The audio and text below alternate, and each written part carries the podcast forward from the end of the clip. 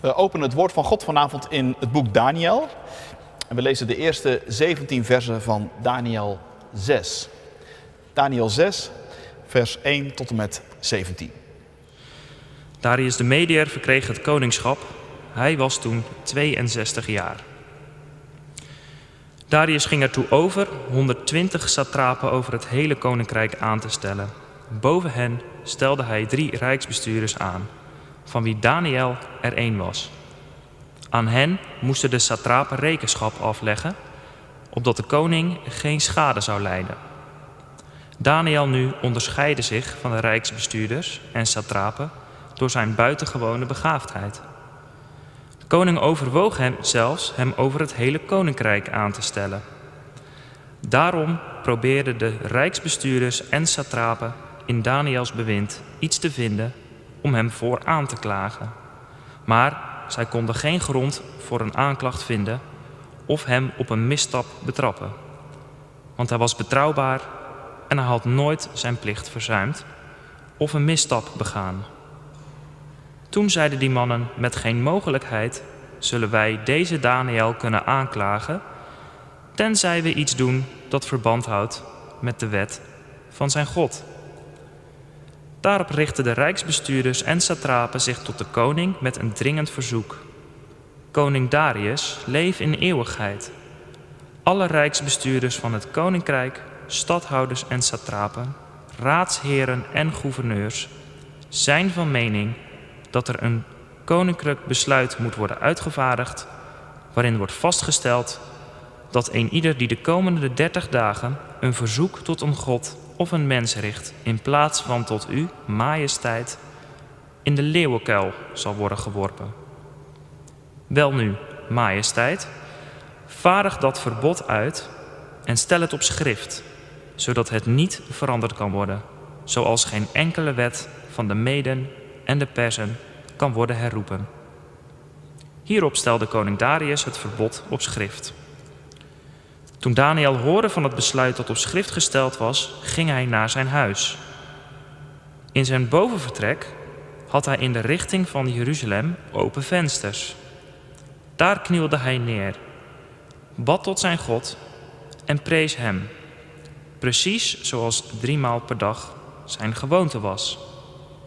Maar toen drongen de mannen zijn huis binnen en troffen Daniel aan, terwijl hij tot zijn God bad en hem prees.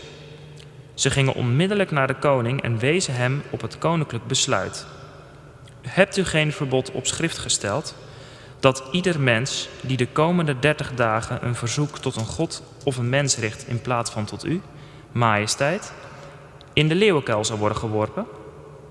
De koning antwoordde: Die verordening ligt even vast als elke wet van de Meden en de Persen. Ze kan niet worden herroepen.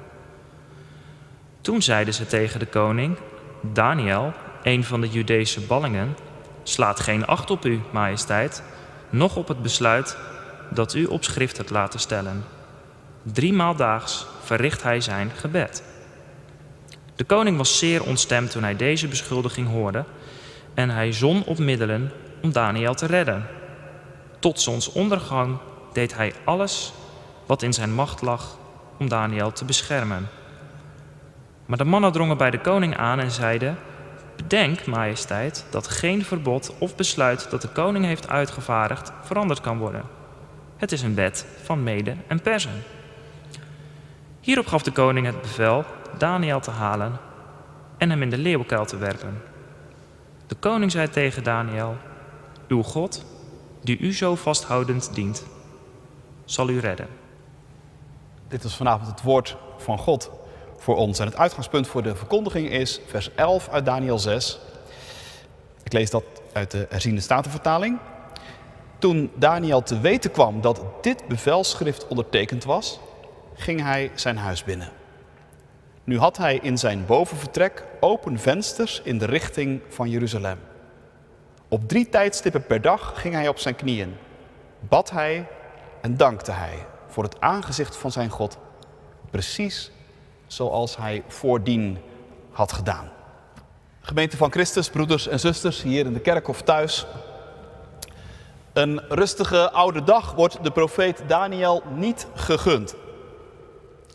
In de laatste fase van zijn leven komt hij terecht in een tijd van grote geopolitieke spanning. Het rijk van de Babyloniërs, dat al een tijd op instorten stond, is definitief gevallen. De laatste koning Belshazzar is verdreven en inmiddels zit in zijn plaats koning Darius op de troon.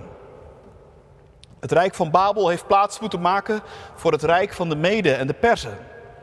En je merkt het opgaan, blinken en verzinken van culturen en beschavingen, dat is van alle tijden. En dat gaat dus ook aan de oude Daniel niet voorbij. Sterker nog, je krijgt juist de indruk dat hij in deze tijd opnieuw ontdekt wordt. Want waar hij in de tijd van Belshazzar een beetje op een zijspoor terecht was gekomen, staat hij nu weer helemaal in de belangstelling van de nieuwe machthebber. Koning Darius heeft hem nodig. Hij gebruikt de wisseling van de wacht om een aantal bestuursvernieuwingen door te voeren. En zijn immense rijk verdeelt hij voortaan onder 120 gouverneurs. Boven die 120 gouverneurs staan drie grootvorsten of onderkoningen. En je begrijpt, één van die drie is Daniel. Waarom Daniel zou je denken? Daniel had toch immers ook al gediend onder de Babyloniërs.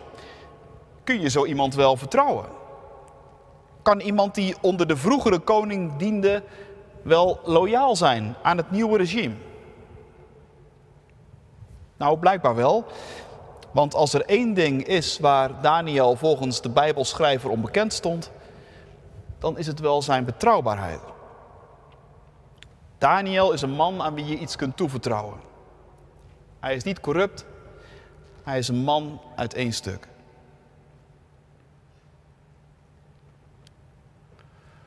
Ondertussen is het tragische in dit hoofdstuk dat precies zijn betrouwbaarheid zijn ondergang dreigt te worden.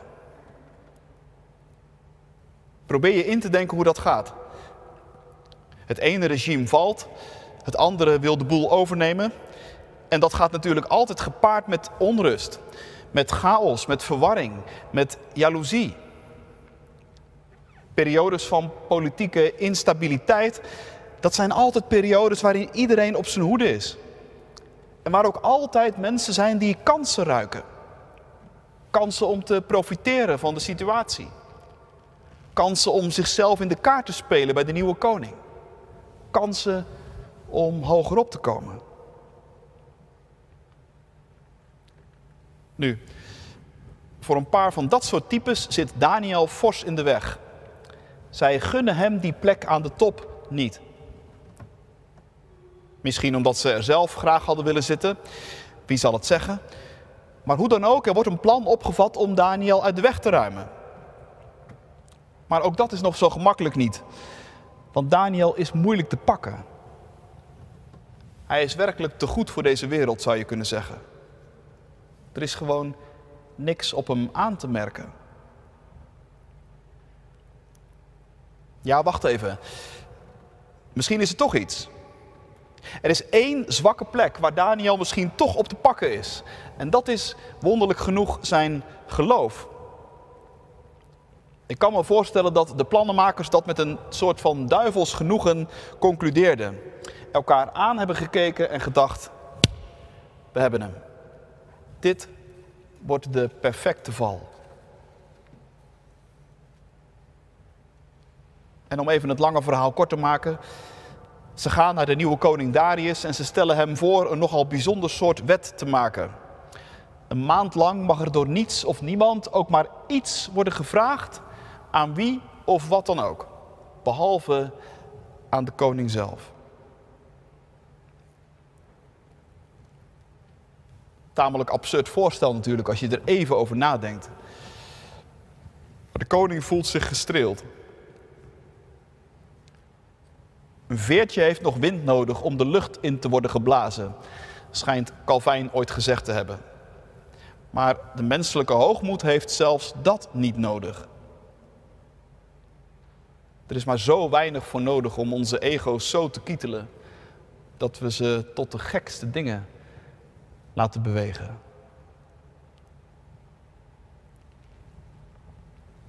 En zo gezegd, zo gedaan. De wet komt er. Het moet een wet van meden en persen worden. Dat is, dat weet je natuurlijk, in onze, uitdrukking, in onze taal zelfs een uitdrukking geworden. Meestal dan trouwens in de ontkennende zin. Een wet van mede en persen, dat is een decreet, een afspraak of een gewoonte waar je niet meer onderuit kunt, hoe zeer je ook zou willen. Maar wij zeggen dan vaak tegen elkaar: Oh, maar wat ik net zei, dat is geen wet van mede en persen hoor. Met andere woorden, ik stel het nu al voor, maar het kan ook heel anders. Nou, bij deze wet van mede en persen kan het bepaald niet meer anders. Over de precieze achtergrond trouwens van die wetten van mede en persen is niet zo heel veel bekend. Maar er wordt wel gedacht dat het een instrument was dat de koning kon inzetten als het ware om een dam op te werpen tegen de chaos en de willekeur. Zoals in onze tijd een regering onder bepaalde omstandigheden de noodtoestand kan afkondigen. En zo een tijd lang extra bevoegdheid kan afdwingen. Zo ongeveer kon de koning toen een wet van meden en persen uitvaardigen. Een wet waar niemand achter terug kon. Ook de maker zelf niet.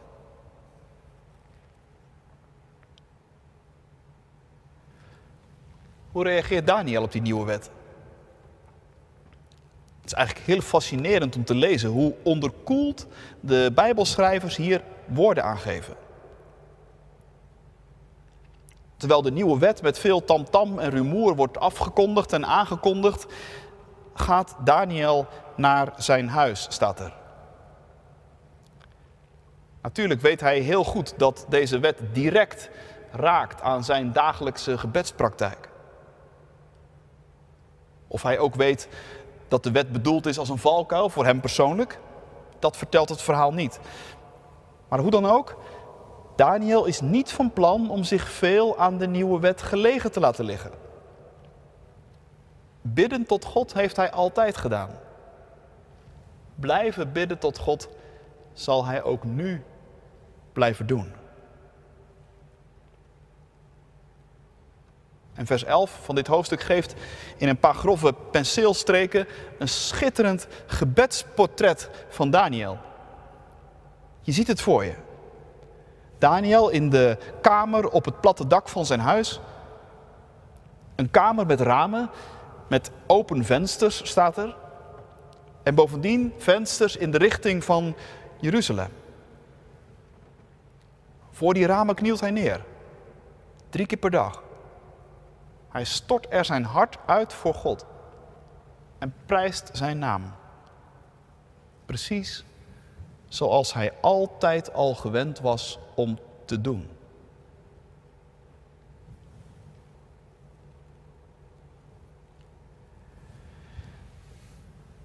Ik merk dat het me raakt dat we deze woorden juist vandaag op deze biddag 2022 lezen.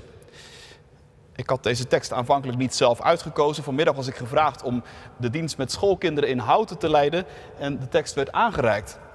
De HGB had kennelijk een profetische ingeving een half jaar geleden. Want het is ergens een hoofdstuk dat wel voor vandaag geschreven lijkt. Net als Daniel beleven we tijden van grote geopolitieke spanningen en bewegingen. Waarvan op dit moment niemand kan zeggen wat er natuurlijk allemaal nog gaat gebeuren. Wat er gaat schuiven. Hoe groot het gaat worden. En waar het zal eindigen. Natuurlijk, er wordt wel van alles gezegd en geduid. Er zijn heel veel verstandige mensen die heel veel verstandige dingen proberen te zeggen. Net als ik zul je ook het nodige tot je nemen. Maar ergens blijft toch het verwarrende en knagende gevoel dat je betrokken bent in een samenhang van dingen die je niet begrijpt. En waarvan je de gevolgen op geen stukken na kunt overzien. Want wie wil nou precies wat en waarom en wie ziet welke kansen? Wie profiteert ervan en waarom? Wie probeert een val te zetten voor wie en hoe? Wie je echt aan de knoppen en wie zijn de stroommannen? Wat van alles wat er gebeurt is de bedoeling, tussen aanhalingstekens, om het even zo te zeggen?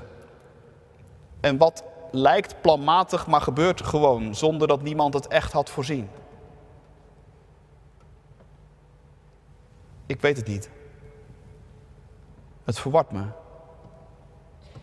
En ik vraag me af wat me te doen staat. En wat ons te doen staat.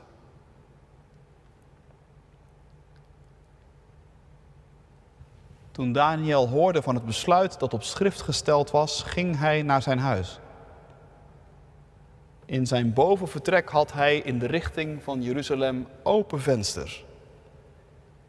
Daar knielde hij neer, bad tot zijn God en prees hem precies zoals driemaal per dag zijn gewoonte was.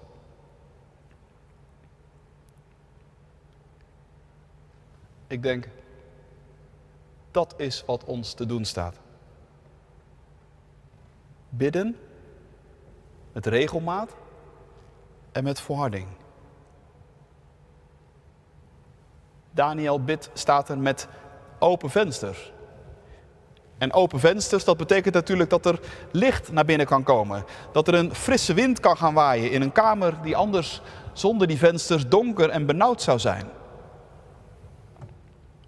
En dat is natuurlijk in letterlijke zin zo, maar ik geloof ook dat het iets heel wezenlijks zegt over wat er gebeurt als wij bidden. Bidden is de ademtocht van de ziel. Misschien ken je die uitdrukking. Wie bidt, houdt de vensters op God open. En omgekeerd, wie niet meer bidt, raakt vroeg of laat in een geestelijke ademnood.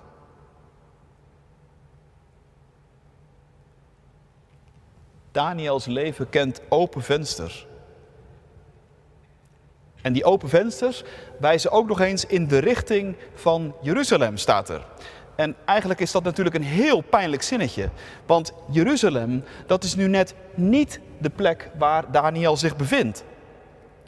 Hij zit in Babel, een heel eind bij Jeruzalem vandaan.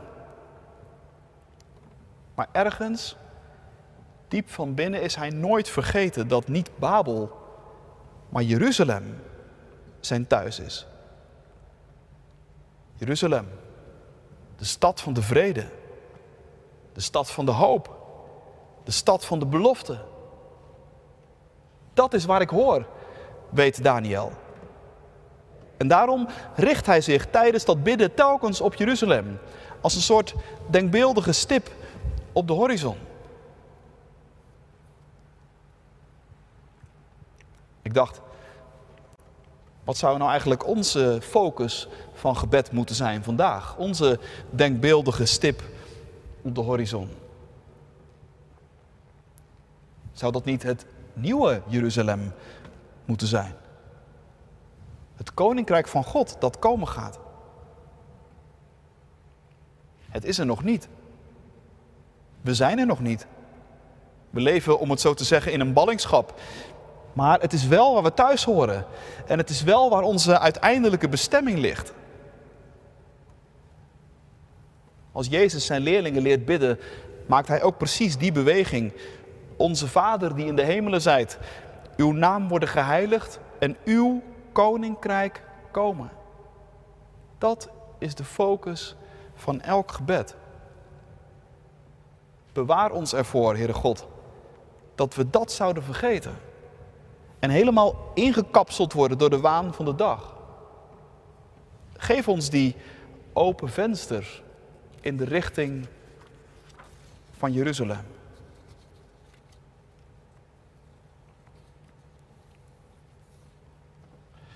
Het derde wat opvalt is dat Daniel bidt met regelmaat.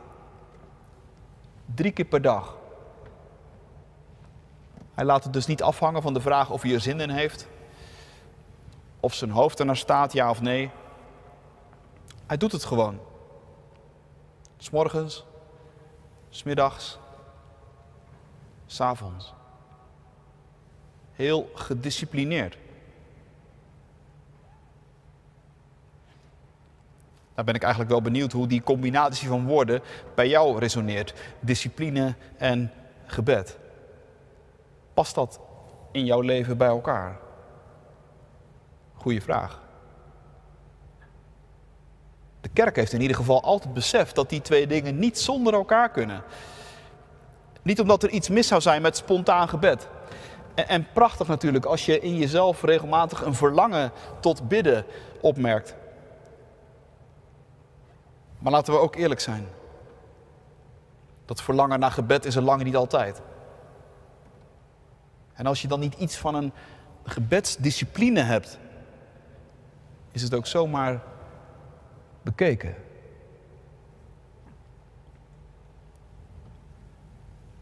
Daniel bidt drie keer per dag, zoals zijn gewoonte was. Prachtig zinnetje. Dat ritme zit er zo bij hem ingesleten dat het een gewoonte geworden is. En dat zijn gebedsleven dus ook, dat merk je direct, tegen een stootje kan. Het ligt niet meteen omver als de druk op zijn leven wordt opgevoerd. Aan het begin van het hoofdstuk lees je ook een paar keer over Daniels bijzondere begaafdheid. Dat kun je natuurlijk heel intellectueel opvatten. En Daniels capaciteiten op allerlei gebieden zullen ongetwijfeld heel groot geweest zijn. Maar toch denk ik ook dat de Bijbelschrijver wil duidelijk maken dat die bijzondere begaafdheid ook iets te maken moet hebben gehad met dat gebedsleven. Dat moet bij elkaar gehoord hebben als een soort hol en bol of als twee handen die in elkaar schuiven. Je ziet dat vaker bij grote geesten in de geschiedenis. Zomaar één voorbeeld van wat minder lang geleden. Dag Hammarskjöld. De Zweedse secretaris-generaal van de Verenigde Naties in de jaren 50 van de vorige eeuw. Een man met een enorme carrière en een geweldige topdiplomaat. Dat was de buitenkant. Maar van binnen was hij een mysticus.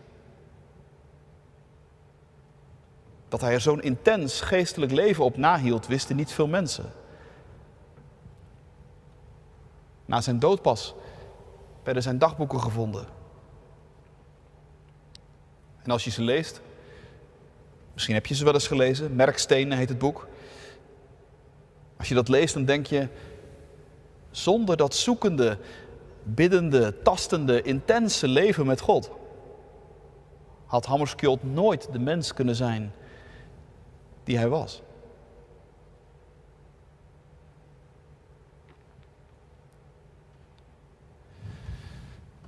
Tot slot nog dit. Als je even iets meer uitzoomt in dit verhaal, dan merk je dat het gebed in dit hele gebeuren eigenlijk een heel gelaagde en aparte rol speelt. Aan de ene kant is het gebed de dragende kracht onder Daniels leven. Zonder gebedsleven geen Daniel. Aan de andere kant is het ook juist het gebed dat hem in grote problemen brengt, zo zou je kunnen zeggen. Want ga maar na. Zonder dat intense gebedsleven zou die hele wet van mede en persen voor Daniel geen enkel probleem zijn geweest. Maar nu wel. En juist door vast te houden aan het gebed, komt Daniel uiteindelijk ook in die leeuwenkuil terecht, zou je kunnen zeggen. Gebed is dus bepaald geen magische truc, waardoor je alle moeite in je leven op afstand kunt houden. Maar gebed is wel altijd het open venster op God en op zijn toekomst. Waardoor je richting houdt. Waardoor je het volhoudt. Daniel wordt niet van de leeuwenkuil gered, maar wel in de leeuwenkuil. Zoals zijn vrienden een paar hoofdstukken eerder niet van het vuur werden verlost, maar in het vuur. En zoals ook Jezus niet van het kruis werd gered, maar wel aan het kruis werd gered. Toen hij zei, Vader, in uw handen beveel ik mijn geest.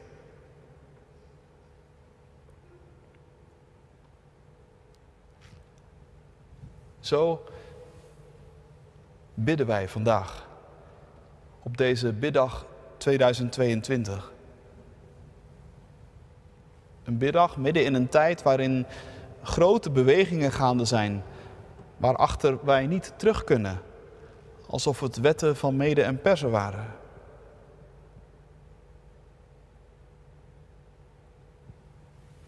Maar toch openen we onze vensters op God. In het vertrouwen dat Hij onze donkere kamers vult met zijn licht. En alleen zo houden we focus op Gods toekomst. En zo vertrouwen we ons toe aan Hem, die ook in tijden van spanning en van grote verandering ons enige houvast is. Amen.